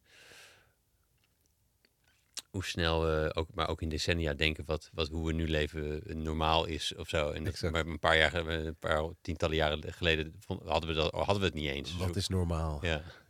Nou ja, dus dat, dat is misschien wel grappig. Ik moest daar even aan denken toen je dat net zei. Uh, ook omdat ik weer natuurlijk via jou en via Sophie uh, Wartenberg uh, de regeneratie coöperatie volgen en ook de, de andere mensen in die beweging. Het, het, het, het het vraagt iets van verandering of zo van ons. En um, nou, dus, daar moest ik even denken. Dus ook om, en ook leuk om dat thema even aan te stippen. Van wat, wat, wat, is regeneratie en, en hoe kwam dat op je pad? Wat is het mhm. voor jou eigenlijk? Wat, wat, wat, wat is de betekenis die jij eraan geeft? En, en, hoe is dat zo gaan rollen? Ja. Um, kijk, als je kijkt naar wat ik eigenlijk in mijn hele levenslijn mee bezig ben geweest, is um, ja, dat kijken van kunnen we, kunnen we iets transformeren? Waardoor mensen gelukkiger zijn, waardoor werk eigenlijk weer een, een nuttig iets is of zo. hè? Mhm. En dan niet nuttig voor de, van het bedrijfs- of het zakelijk perspectief, maar um, waardoor iedereen weer tot zijn recht komt. Uh, waardoor iedereen uh, kan floreren. Um, en naarmate ik me dus ook ben gaan inzetten binnen de klimaatbeweging, verbinding met natuur, um, connectie met Sardinië, een prachtig eiland met een eeuwenoude uh, civilisatie, die ik daar heb leren kennen. En tegelijkertijd door COVID ook eigenlijk gewoon naar buiten ben gebonjourd. Van ga maar buiten coachen, want binnen mocht niks meer. Hmm. Heb ik heel veel buiten gedaan. En al die dingen tezamen heeft me eigenlijk op het pad van regeneratie gebracht. En dat gaat over hoe kun je het leven weer laten floreren. Dus hoe kun je het leven centraal stellen in alles wat je doet. En um, het re, regeneratie, re, het gaat ook iets over iets weer terugbrengen. iets weer terugbrengen in een staat van hoe het was. En voor mij gaat het dan ook uh, in organisaties. Als je kijkt wat organisaties zijn voor mij gewoon kleine gemeenschappen of grote gemeenschappen. Het zijn groepen mensen die zich voor een bepaald doel inzetten en in veel gevallen krijgen ervoor betaald. Dus je hebt een soort van transactionele relatie. Ik kom, want ik word betaald.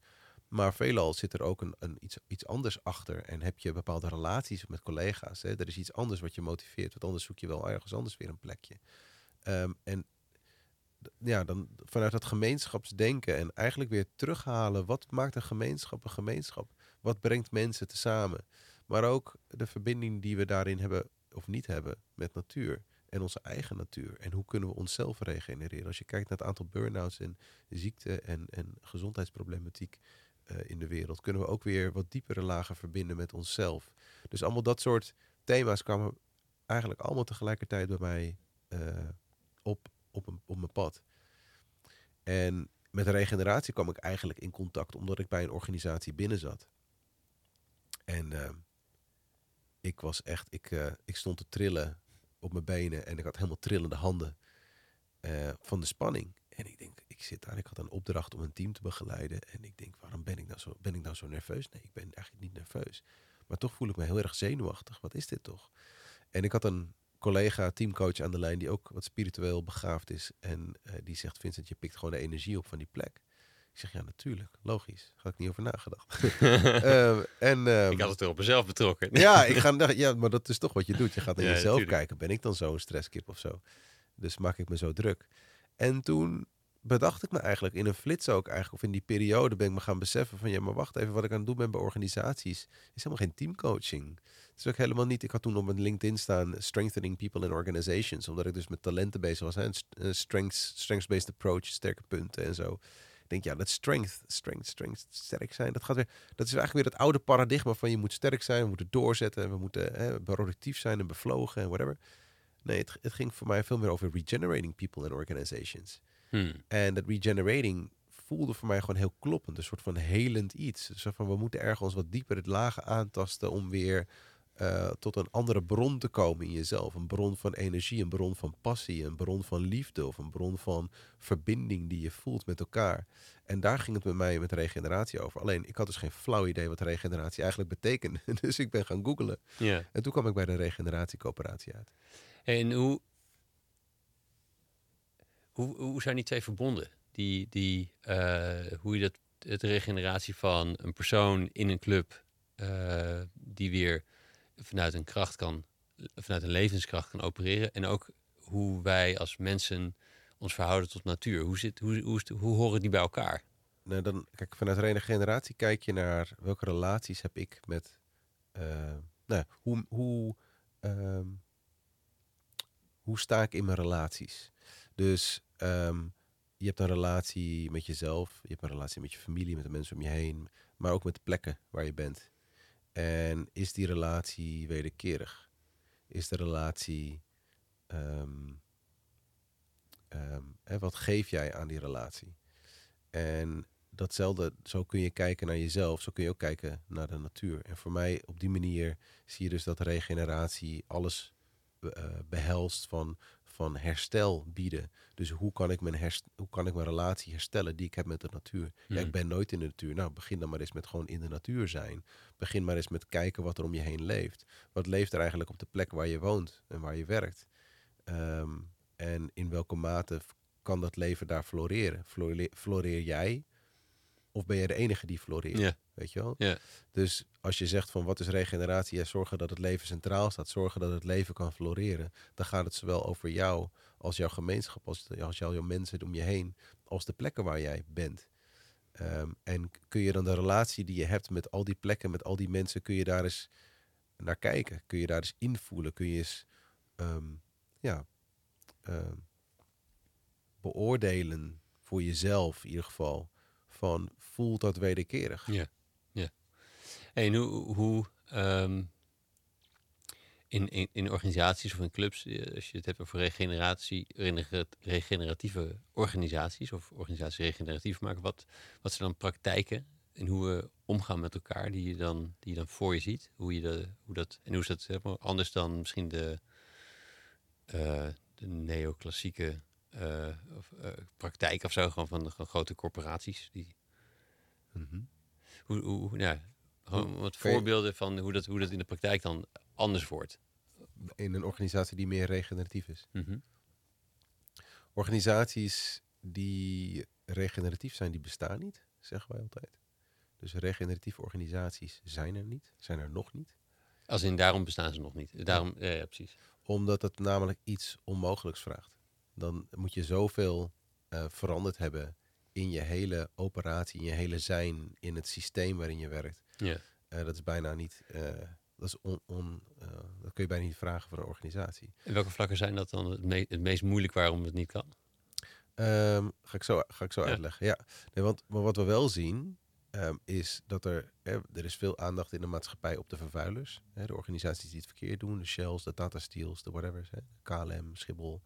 Um, maar er zijn ook organisaties die het wel degelijk proberen uh, de wereld te herstellen. Of, of ergens een positieve bijdrage, een positieve voetafdruk uh, achter te laten. Um, dat noemen wij vanuit de regeneratiecoöperatie de herstellers. Hmm. Dus die zijn ergens op een bepaalde manier herstel uh, aan het uitvoeren. En we hebben vanuit de regeneratiecoöperatie daar ook een soort van richtingaanwijzer voor opgesteld.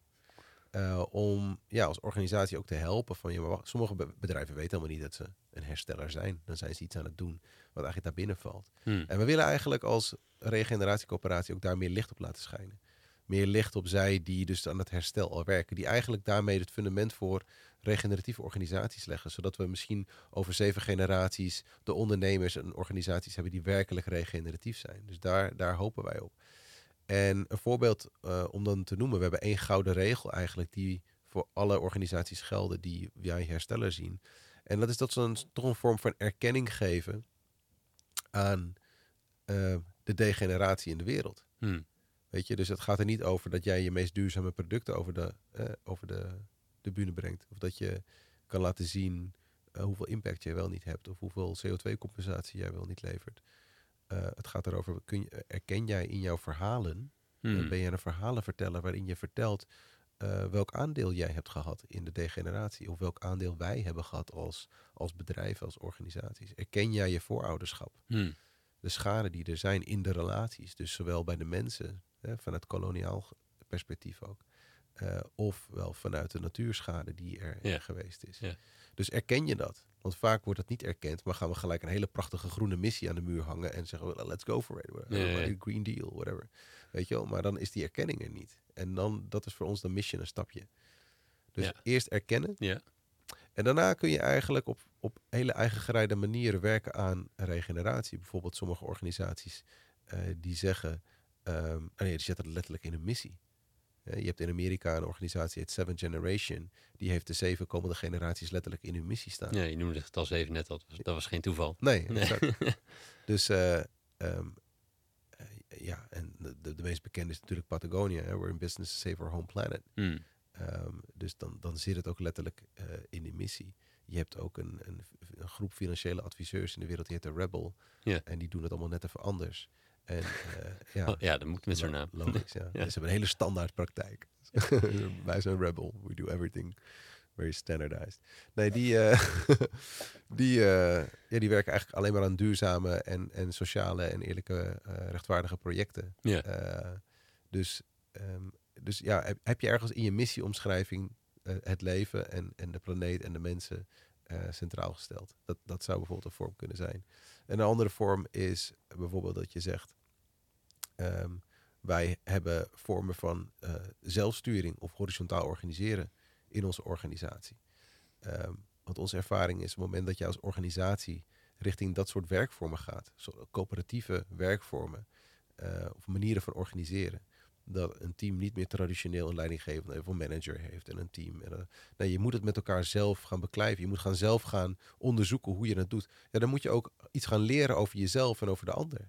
Oftewel, je gaat die relatie onderling ga je regenereren. Je gaat dus onderzoeken, oh, maar hoe doe ik het eigenlijk? Waarom doe ik dit? Waarom zeg ik wat ik zeg? En waarom doe jij eigenlijk wat jij doet? Omdat je niet meer terugvalt op het ja, kan terugvallen op het oude plaatje van ik ben gewoon de baas, dus ik doe zeg, Ja. zeg het en jij doet het. Juist. Of hij, hij zegt het, dus ik moet het doen. Ja. en ja, dus, dus uh, Charlotte van Bordestift, uh, die, die is hier een paar keer te gast geweest. Die, uh, die, die, die zijn nu mooie dingen. Die, die, vertelt hier ook over. Ja, het is niet per se, het is niet de eerste keer makkelijk. We moesten allemaal dingen weer leren. En, ja. en dat is dus wel, dat is wel mooi. Ja. Dus dat is dat eventjes een greep uit die, uit die richtingwijzer die we gemaakt hebben. Mm -hmm. um, waaruit je dus kunt zien van, nou oké, okay, ieder kan op, op, op diens eigen manier beginnen met vormen van regeneratie. In andere gevallen is het inderdaad uh, gauw, eh, organisaties die letterlijk projecten doen met gemeenschappen of met plekken, met natuur en Ja. daar herstel toepassen. Weet je, ook dat eh, zijn, zijn dingen die gedaan worden. Eh, een wilderland bijvoorbeeld, misschien ken je die wel, die leggen heggen aan tussen eh, stukken land als de oude, nou, de, de, de typisch Nederlandse landschappen van vroeger, waarbij er een soort heggen waren, maar dan met inheemse kruiden Ja. en theesoorten. En daar, dat oogsten ze en maken ze thee van. En dus dan heb je de thee van Wilderland. Ja. Dus op die manier werken ze aan de biodiversiteit. En werken ze met boeren en met, met landschap.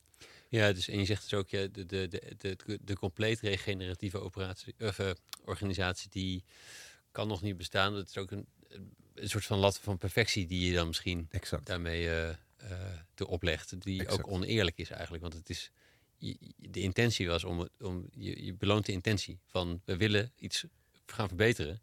Ja, dat ik in één keer het helemaal perfect doe, dat is wel een beetje lastig. Maar Ja. dat is natuurlijk wel waar we, nou ja, in de, de online media worden, eh, wordt hier nogal mee gesabeld, zeg maar. Van eh, ja, lekker hypocriet, jij zegt wel dit, maar ik zag je ook dat doen. Of zo. En dat- Exact. En dat, En dat is juist wat onderdeel van het oude paradigma. Dus het paradigma van goed-fout. Het paradigma van ehm, perfectie, wat jij net zegt. Dus wij, wij zeggen ook, wij willen geen perfectie, we willen integriteit. ja, Dus we, we willen zien dat wat jij zegt, dat je dat ook doet. We willen je geloven, we willen weer naar geloven vertrouwen. En niet naar eh, bewijzen. Hè, dus dat je weer honderden rapporten krijgt ja, om te laten zien dat je dat echt goed doet. En dus dan ben je eigenlijk alleen maar bezig met de hele tijd goed doen of fout doen. En dan, daarom hebben we zoveel van die compliance bedrijven. ja, Dus we, we, we doen allemaal, ja, dat is een heel mooi model ook als je kijkt naar degeneratie en regeneratie. Een grote deel van de organisaties nu, die doen eh, het net een, beetje, met een, net een beetje beter dan dat het illegaal is. Zeg maar, dus die zijn net niet illegaal. ja, Omdat ze voldoen aan die regeltjes. Ze proberen allemaal netjes dat vinkje te zetten. ja, Dan zijn we in ieder geval niet fout. ja. Zo. Maar en dan is dat dan genoeg. Weet je, dan denken we dat dat goed is. Dan is het goed. Eh, want zo zijn we geconditioneerd. En wij zeggen nee, weet je, het gaat juist over die positieve voetafdruk. Hm. En dan moet je echt wel veel verder gaan dan alleen maar dit, dat, dat eh, lijstje afwerken. Ja, en is er nog een rol, denk je, voor, voor zulke lijstjes of, of het afdwingen of het control-based eh, te sturen om het, om het uiteindelijk, om te, nou, misschien de beweging te versnellen naar meer schaal? Of is dat, werkt dat gewoon totaal contraproductief? Of, of waar in het spectrum zie je dat? Eh, is moeilijk te zeggen. Kijk, wij werken vooral op het stuk missie en identiteit en cultuur. Vooral, dus als je kijkt naar hoe kunnen we dingen anders gaan doen, dat is het moment dat er een cultuurverandering ontstaat. Eh, dus andere waarden, andere intenties, andere beloftes die je doet. En dan vloeit dat automatisch voort naar je diensten en producten en naar je manier van werken. Dat gaat niet eh, zomaar. Daar moet je natuurlijk ook eh, hard voor werken om, de, om dat eh, te implementeren op die manier. Maar als je dat eerste stuk niet doet, maar je gaat het wel implementeren, Ja. dan is het gewoon weer een nieuw businessmodel. Dan is het gewoon weer een nieuwe strategie die je gaat toepassen om sterk in de markt te staan. Dan zit je op diezelfde competitieve waarden, dan zit je op dezelfde eh, winstmaximalisatie bedoelingen. En dan gaat het dus niet over een andere bedoeling die je eigenlijk hebt. Want je kan die andere bedoeling hebben en nog steeds verkeerd doen. Dat snap ik. Weet je, Patagonia werd ook laatst op de vingers getikt omdat ze in één keer toch in een fabriek zaten waar de arbeiders niet eh, eh, dezelfde rechten hadden of, of, of Ja. de, de, de omstandigheden hadden waarin ze konden floreren. Ehm, en dat het geloof ik hetzelfde was als H&M en dat soort organisaties.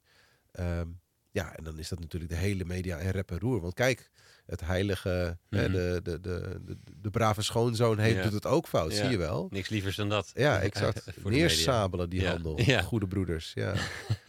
dus dat, dat is toch ook gewoon, dat is de cultuur die er nu leeft. En dat, is door, dat doet de media, dat doet de politiek, dat doen, dat doen mensen. Omdat we kijken naar, graag kijken naar wat er niet goed gaat. Zodat we dan niet het idee hebben dat wij het fout doen. Ja. Weet je, het is allemaal niet Mhm. zo erg. Mhm.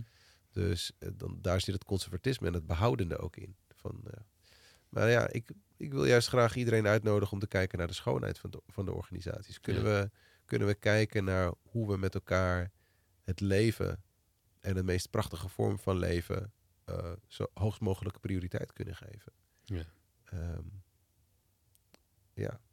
En op het moment dat je dat met elkaar. Weet je, stel je voor dat je op je werk zit en je kijkt elkaar in de ogen en je zegt dat tegen elkaar. Dit is voor ons het allerbelangrijkste. En je geeft daar ook een, een, routine aan. Je, je hebt daar een manier gevonden hoe je daar zorgt dat je daar aandacht voor blijft geven. Dan wel in een manier waarop je je business development doet, hè, of je product development, of de manier waarop je bepaalde routines en rituelen met elkaar inbouwt, of in je besluitvorming, dat je altijd oog hebt voor de aarde, of altijd oog hebt voor het ecosysteem of de mensen met wie je werkt. Ehm, dat je, voor mij wordt altijd een soort van check-in hebt elke maand of hmm. kwartaal. Ja, dan wordt, het, dan wordt het helemaal anders, die cultuur waarin je dan zit. Ja. Je prioriteiten worden compleet anders. Ja, je zegt het mooi. Het, het is ook. um, ik zit dus ook een beetje. Van de laatste nou, jaren is het misschien wel, met een soort zoektocht van, van die ondernemers zijn puur meer geld verdienen. Dat is dan. Uh, kan dat ook op een goede manier? Of wat is dan impact maken? En uh, het, is, het begint me eigenlijk toch wel met ook zelf anders in de wereld gaan staan. En, en dat, in, dat het cijfert in alles door of zo. Ja, ja je zegt het mooi. Um, het begint bij een andere intentie of integer, integerder proberen te, te, te werken. Wat, wat, zijn dingen die. Um, even, nou, daar kan het beginnen, maar hoe begint dat? Dus, dus, dus hoe, hoe, hoe help je, wat, wat is helpend in, ja, het is natuurlijk oneindig gevarieerd in waar iemand vandaan komt misschien, maar wat zijn, wat zijn dingen die helpen om het, het, het zo te zien of het zo te willen gaan doen?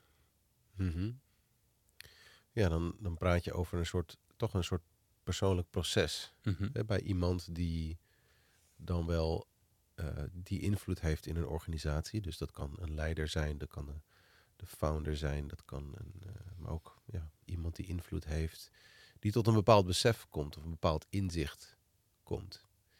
En dan, uh, en dan eigenlijk zeg maar, wacht even, wat zijn we nou eigenlijk aan het doen? Ja. En um, nou, misschien kan ik mezelf gewoon eigenlijk als voorbeeld gebruiken. Wat ik zeg, ik kwam uit het VVD-gezin, dat rechtse gezin. Uh, met alle kenmerken en waarden en oordelen. En op een gegeven moment ben ik het anders gaan doen. En dat was in 2011 dat ik eigenlijk, ik had toen twee opleidingen gedaan. Vitaliteitscoaching en uh, organisatieadvies, geloof ik. En er ging een wereld voor mij open. Ik dacht van, ik zag toen zoveel. Ik had toen zoveel geleerd. Ik, over psychologie, over voeding, over uh, organisaties, over groepsdynamica, over leiderschap, over zoveel dingen die waardoor mijn oogkleppen zo ver open gingen, uh, dat ik niet meer wist wat ik moest doen. Hmm. Dus ehm, ik zat letterlijk in een restaurant aan de Overtoom uh, met Francesca en we waren aan het eten en ik proefde mijn eten niet meer. Het was nog geen COVID-periode, dus maar ik proefde mijn eten niet meer. Dus mijn lijf was gewoon helemaal van slag. Dus mijn, mijn, my senses could not taste the food anymore. En eh, dus dat was voor mij een heel duidelijk signaal. Ik ben over de schreef aan het gaan. Ik moet, ik moet uh, terugschakelen. En uh, toen ben ik op dat moment heb ik iemand gevonden die mij ging begeleiden. En ik heb met hem vormen van therapie gedaan, van regressietherapie en reïncarnatietherapie. Okay. Ik ben echt teruggegaan naar mijn, naar mijn jeugd, dus ook nou ja, naar die periodes. En um, heb verschillende vormen van heling kunnen toepassen in dat moment al. En uh, daar heb ik eigenlijk een deel van mezelf ontdekt, wat eigenlijk gewoon een soort van wereldverbeteraar was. Hmm. Die gewoon eigenlijk heel graag iets goeds wilde doen uh, in de wereld. En die tot dan toe eigenlijk totaal geen ruimte heeft gehad. Want ik was gewoon maar lekker met dingen aan het doen en onbezonnen en uh, whatever. Lekker aan het ondernemen, hè, zeg maar. en uh, gewoon lekker sales doen en knallen en verkopen, nog een projectje binnengehaald. Jij, moet je kijken hoe stoer en brag en boosten met die hip-hop muziek en zo, weet je wel. Dus dat was een beetje de, de leefstijl. En dan ook lekker drank en lekker drugs en feesten, wow, weet je wel zo. Ja. En tot dat moment kwam dat ik echt gewoon een smack in my face kreeg. En uh, van, uh, ga maar eens even verdiepen. Ga maar eens even bezinnen. En dat echt, echt heb moeten doen. En dat ook heel erg voor open stond. Want ik was al best wel spiritueel actief toen. Dus ik ben daar gewoon ingedoken. En ik vond het fascinerend wat er naar, bij me naar boven kwam. Hmm. En dat heeft me dus ook eigenlijk toen beseft van ja, ik moet gewoon echt iets anders gaan doen. En toen ben ik begonnen met vrijwilligerswerk. Ik heb, Ja. Ben echt niet opgevoed met vrijwilligerswerk, verre van. Ja. Weet je, want heb je niets beters te doen. Dan kun je niet beter gaan werken of zo. Dan kun je nog geld verdienen. Dat was, weet je, dus niemand die mij vertelt, heeft, Vincent, ga jij eens vrijwilligerswerk doen of zo? Of ga jij eens eventjes Ja. op reis naar Ja. weet ik veel waar om een levenservaring op te doen? Dus ik ben dat zelf gaan doen en ik ben ook dus in mijn hip-hop eh, ben ik veranderd. Ben ik echt, eh, ik heb toen gelijk een, een benefietavond georganiseerd met Oxfam Novib. ja. Ja, dus het leverde geen flikker op, maar dat maakt niet uit. Het was, het was leuk, leuk, mooie initiatief. Intentie was belangrijk. Ja, Ja. exact. Dus, dus ja, dus waar komt die integriteit vandaan? Vaak door een transformatief zelfinzicht. Hmm. Eh, en dat kan gebeuren als mensen op, op, een, op een bepaalde reis gaan. Hè, letterlijk op reis op de wereld. Dat ze dit hun dingen overkomen. Of dat ze dingen zien waardoor ze tot een bepaald inzicht komen. Vaak zijn er bepaalde live events. Het verlies van een geliefde. Hmm. eh, of eh, verandering in een familiesituatie. Een heftige conflicten. Want vaak zijn het heftige gebeurtenissen. Of juist hele mooie gebeurtenissen. Dus levensontwakende gebeurtenissen. Waardoor je in één keer denkt van... Ja, maar wat de fuck zijn we nou eigenlijk allemaal aan het doen? Ja, ja. Ja, ik kan het ook... Het zou toch prettig zijn voor de snelheid van een verandering? Als het... Als niet- Opschalen die handel. Kunnen we dat opschalen? Nou ja, ik, ja, ik, ik- ik voel ook een beetje haast in de wereld Ja. soms. Nee, eh, Ja, dat het kan zonder dat we iedereen's geliefde... ja, eh nou, laat ik het gewoon kwijt raken, moeten laten raken, eh, Ja. moeten organiseren of is er zoveel drama nodig? Ja, Hè? Is nou ja, ja, precies, ja. Hebben we drama nodig om te transformeren? En ja, we hebben heel veel drama nodig om te transformeren. Dat geloof ik wel, ja. Ik denk, het, het, vanuit gemak, gemak, comfort en tevredenheid gaan we niet transformeren. Want Hmm. there's no problem. Let's just continue what we do Ja. every day. En sociale druk of zo, is dat, nog, is dat nog een vervanger voor drama? Ja, dan kijk maar wat er gebeurt. Dus je kan heel erg nu op de barricade gaan staan. Het enige wat je krijgt is oppositie en polariteiten. Hmm. Dus daarmee zeg ik niet dat activisme slecht is, maar want activisten zijn eigenlijk onze schaduwwerkers. Ze leggen de, pijn, de vinger op de pijnlijke plekken van de maatschappij. Wat enorm belangrijk is om de schaduwen überhaupt onder ogen te komen zien.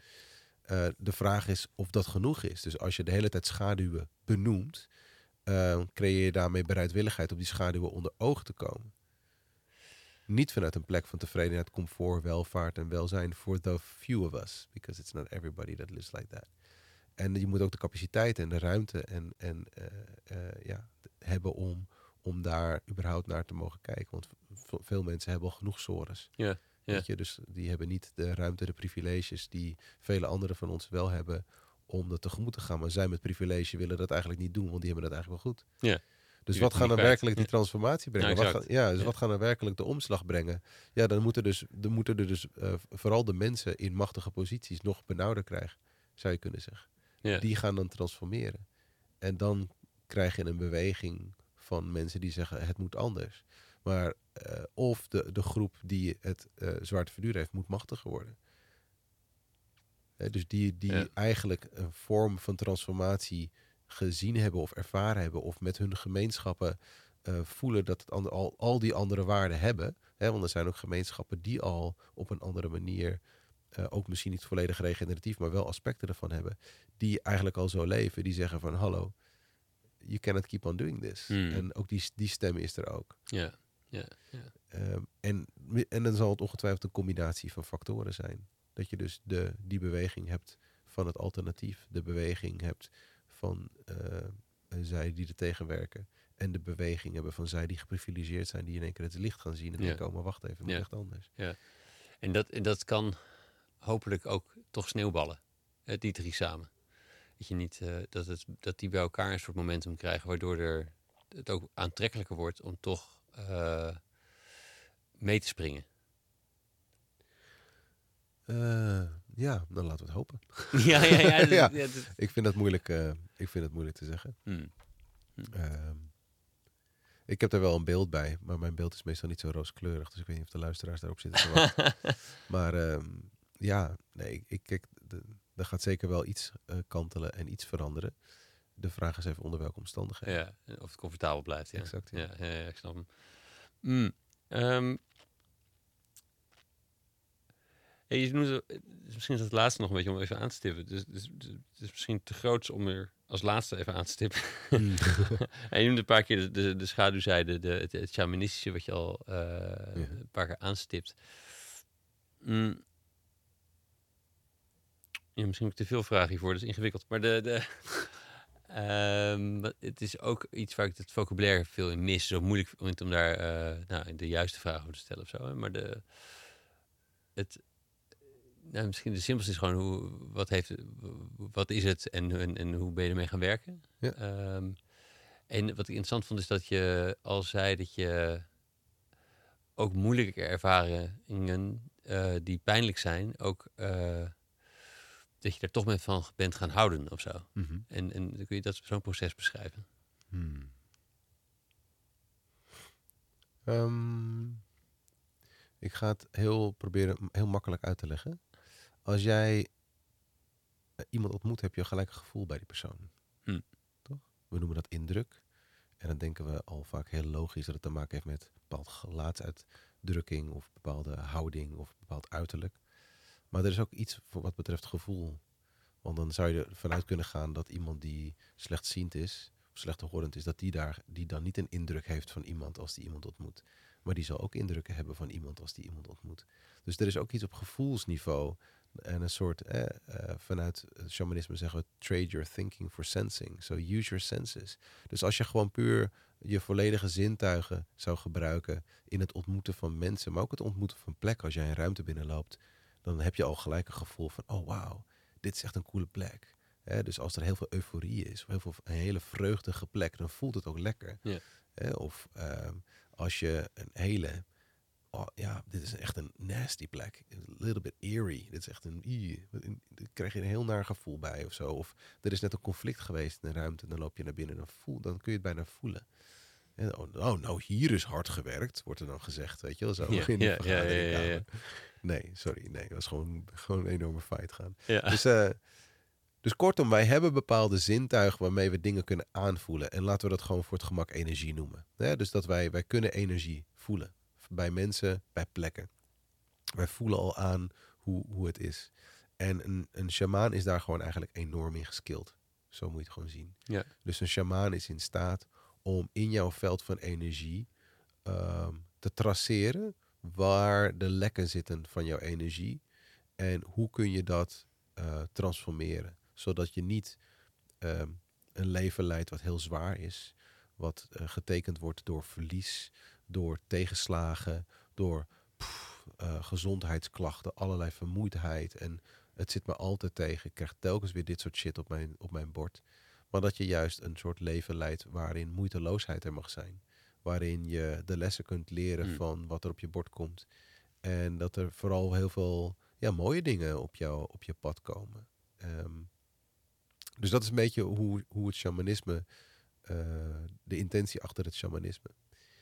Ehm, Het lijkt ook een beetje op die, die eh, de dynamieken in teamcoaching, eh, in teams of in organisaties. Daar, daar heb je ook die uitwisseling van die energie. Ja. Dat je daarmee, dat je een soort meer, in, meer inzicht en tools hebt om daarmee te werken. hè? Ja. Ik kan me zo voorstellen. ja, in teamcoaching heb je het vaak over de onderstroom. Ja, dus dat heeft, daar zit ook die schaduwen. Dus ergens in die onderwereld, zou je het kunnen noemen, onderstroom, onderwereld, whatever.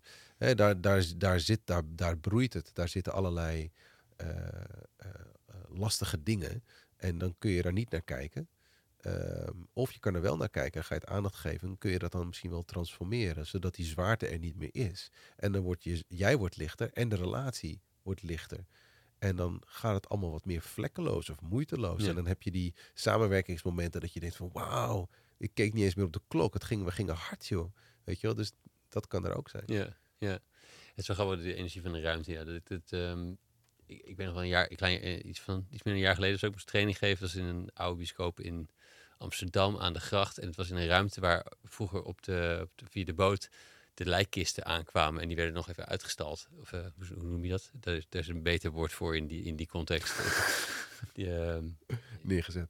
neergezet, ja. En je, en je zag ook op de vloer eh, de, de afdruk van waar dan die kist had moeten hebben gestaan. Zo, eh, Ah. dus dat, dus we hadden een soort halve cirkel en die, en die, die streep van waar de kist over stond, die, was, die zat, zat een beetje in het midden van de cirkel waar de, die eromheen zat. En ik liep daar dan doorheen eh, af en toe, om gewoon al pratende met die groep. En ik merkte echt gewoon een halve meter naar beneden zakken. En ze hadden, Ja, ja, oh, yo. ja, Ehm, dat het toch echt, eh, daar hing nog. ja. Ja.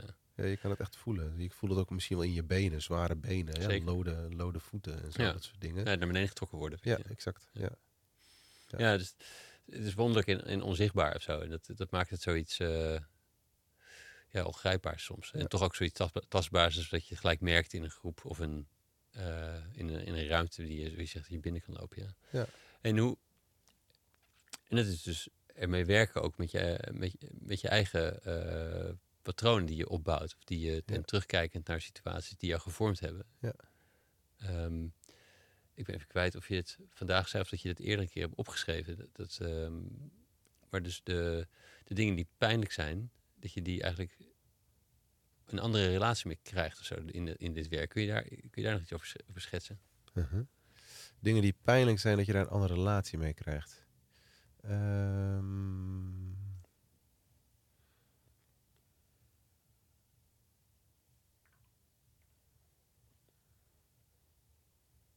Ja, ik weet niet of ik het. Of ik, heb, ik, heb ik het echt zo gezegd? ja, nou ja, of ik, of ik onthoud in andere woorden, omdat mijn Ja. taal anders is. Maar ja, ik snap hem, ja. Nou ja, kijk. Het is, het is... Hoe zal ik het zeggen? Daar waar ehm, er een herhaling plaatsvindt van situaties... eh, is vaak waar de, de aandacht voor heling nodig is. hè, waar de nood zit. En vaak zijn dat de pijnlijke dingen. Dus dat zijn terugkerende thema's in je leven. En dat kan dus letterlijk pijn zijn omdat je lichaam pijn doet. Weet je, dat je gewoon terugkerende klachten hebt ergens. Ehm, of, of inderdaad emotioneel, hè, of qua gedachten. Dus bepaalde gedachten die, weet je, telkens weer die, die innerlijke zeikert. Dat stemmetje wat vindt dat ik het niet goed genoeg doe. Eh, eh, even, even wat meer professioneel jargon zou die de innerlijke criticus heten. Maar goed, je kan hem ook wat leukere naam geven. Die, die azijnpisser hè, in, in, in mij. Die, eh, die komt telkens weer terug en die vindt dan weer wat van wat ik wel of niet gedaan. En ik had dat weer zo moeten doen. En dan moet ik weer hard werken. En dan moet ik weer dit. En het blijft maar terugkomen. Ja, kennelijk is er dan iets in jou wat telkens die eh, criticus voedt. Dus er zit een patroon in jou. Jij draagt iets in jezelf. Waardoor je heel hard moet werken. Eh, want het is nooit goed genoeg. En waarom is het nou nooit zo goed genoeg? En als je daar gaat graven, dan kom je misschien wel in een bron van verdriet terecht. Het verdriet dat, dat je het eigenlijk niet goed genoeg gedaan hebt. En dat jou en jou, jij en jouw geliefde daar enorm onder geleden hebben. En misschien is dat niet eens van jou. En misschien is dat wel iets van een van jouw voorouders. Een Hmm. van jouw ouders of voorouders. Of is het iets wat je wel in je draagt. En daar zijn we compleet eh, eh, eh, los van. We, we, we kennen dat niet, die wereld. Dus eh, de onderwereld waar dat een in zit, dat, dat, dat vinden wij allemaal maar raar of zo, weet je. Dus die nuchterheid, en daarmee, ik maak even een sprongetje, het gemak van het leven en onze privileges. En we hoefden daar niet zoveel meer mee, want we hebben toch welvaart. Het gaat allemaal goed met ons, er zijn geen problemen. Dus dat verder kijken, ja, dat deden we misschien 2000 jaar geleden, toen wij dit soort type mensen nog hadden rondlopen. Hè? De druïdes, shamanen, medicijnmensen. ehm al voor zij die de, de serie Vikings hebben gekeken, die weten inmiddels wel wat- wat meer van wat ermee bedoeld wordt. Maar ja, dus het, het, het afreizen naar diepere lagen in jezelf en daar onder ogen komen dat daar kennelijk patronen zitten die niet noodzakelijkerwijs van jou zijn, maar wel jouw gedachtenstroom bepalen en voeden vanuit pijn, verdriet, lijden wat er plaatsvindt. Ja, als je daar niet aandacht aan geeft, dan blijft dat zich herhalen. Hmm. Ehm, en dat is inmiddels, als je dus mijn, dit tot nu toe hebt zitten luisteren, dan snap je wel in mijn loopbaan dat ik daar uiteindelijk nu gekomen ben. Dus telkens het zoeken naar hoe kunnen we gelukkiger zijn met, met, met onszelf en met elkaar. Betekent dat je ergens een diepere laag in jezelf ook moet aankijken en daar de transformatie mag laten ontstaan. Eh, en dan kun je jezelf bevrijden. Op het moment dat je daar doorheen reist, dan, dan ontstaat er op een gegeven moment, na die fucking rollercoaster die je dan beleefd hebt, ontstaat er een moment van bevrijding dat je in één keer dit hebt. En dat je denkt van wauw, had ik dit maar eerder gedaan. Weet je wel? Al die, al die psychologen, al die therapie, al die klote gesprekken die ik heb moeten voeren. Weer met der, ik heb mijn derde burn-out inmiddels gehad. Weet je wel? Nou, hey, top joh. Dus dan, dan blijf je, je blijft het maar herhalen. Hmm. En dat is zo zonde. Want eigenlijk zit er gewoon een dieper thema wat heel... Ja, waar pijn zit, waar zit verdriet zit, waar verlies zit, waar schaamte, schuld zit. En als je daar, nou ja, dus daar heling op mag toepassen, dan eh, dan zul je ook merken dat je niet meer zo geraakt wordt door de realiteit. Dus, hè, dus dat als, als jij dan met iemand eh, in gesprek komt en die zegt tegen jou, nou, zeg, eh, hè, je hebt het echt verkeerd gedaan hoor, dit project. Dit was een onsuccesvol project. De klant is enorm ontevreden. Waar je dan misschien in het verleden in een complete cringe terechtkomt en jezelf klein maakt en jezelf nou, in een depressie stort, zal je na die bevrijding misschien merken dat het je veel minder raakt. Tuurlijk is het vervelend om te horen, Hmm. maar niet meer op het niveau dat je weer in dat pijn en in dat lijden teruggedrongen wordt. Eh, omdat het niet meer in jouw systeem zit. Ja, En Ja. dat is waar shamanisme eigenlijk bij aan bijdraagt. ja, mooi. Mooi. Godverdorie zeg, hoe zet je dat zo helder uit te leggen? Dat is zo grappig. nou ja, het is, is een beetje... ehm, het natuurlijk naar de ogen naar de klok te kijken. Wat, Mhm. wat, ehm, als, als, ik ben benieuwd, waar, waar- hoe, zie, hoe kijk jij naar de, de, de, de toekomst, de komende jaren? Wat hoop je? Heb je er een soort beeld bij? Is dat eh, wat je daarin zou willen doen? Of wat je, wat je hoopt te doen? Hmm, Voor mijzelf en mijn praktijk. Mhm. Ja, ik heb op dit moment een praktijk in Amsterdam waar ik mensen één op één begeleid. Bij de Natuurkamer, een stukje van het Slotenpark. Een hele mooie natuurlijke omgeving met een klein kamertje. En daar eh, begeleid ik mensen in heling. Op maandag en woensdag meestal. En eh, daarnaast doe ik wat dingen met organisaties en de cultuurverandering. En ook vanuit de regeneratiecoöperatie. Dat we met de cirkel bezig zijn met het project van de herstellers. Dus daar, als ik kijk naar de toekomst, zal ik dat nog heel even blijven doen, denk ik. Eh, dat mensen één op één begeleiden. Ik denk ook wel dat daar weer een houdbaarheidsdatum aan zit. Hmm. Ergens volgend jaar voel ik een transformatie komen. en eh, organisaties, wat mij betreft ook. Ik, zal, eh, ik ben nog wel met organisaties bezig op cultuurvlak. Maar ik, zit me ste- ik ben steeds meer in, in de rol van de shamaan eh, echt actief. Ehm, dus ehm, ik vermoed dat ik meer zal verhalen gaan vertellen. Zoals Ja. ik nu hier doe. Ja, En, ehm, maar wat ik nog wel heel belangrijk vind, is dat project Herstellers. Dat willen we dus in november gaan lanceren.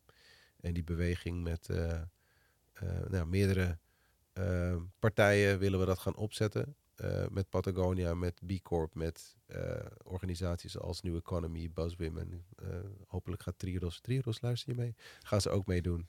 En nog vele andere organisaties en, en netwerkpartners willen we dat groots op gaan zetten zodat we in 2025 een megalomaan event met elkaar kunnen opzetten. En, Mm. en dat we gewoon met elkaar kunnen aankijken en zeggen: kijk eens even, de herstellers zijn er ook. Laten we dus de, de schijnwerpers op, op de schoonheid en op het leven eh, zetten. In plaats van alleen maar op wat al die bedrijven wel allemaal niet fout doen.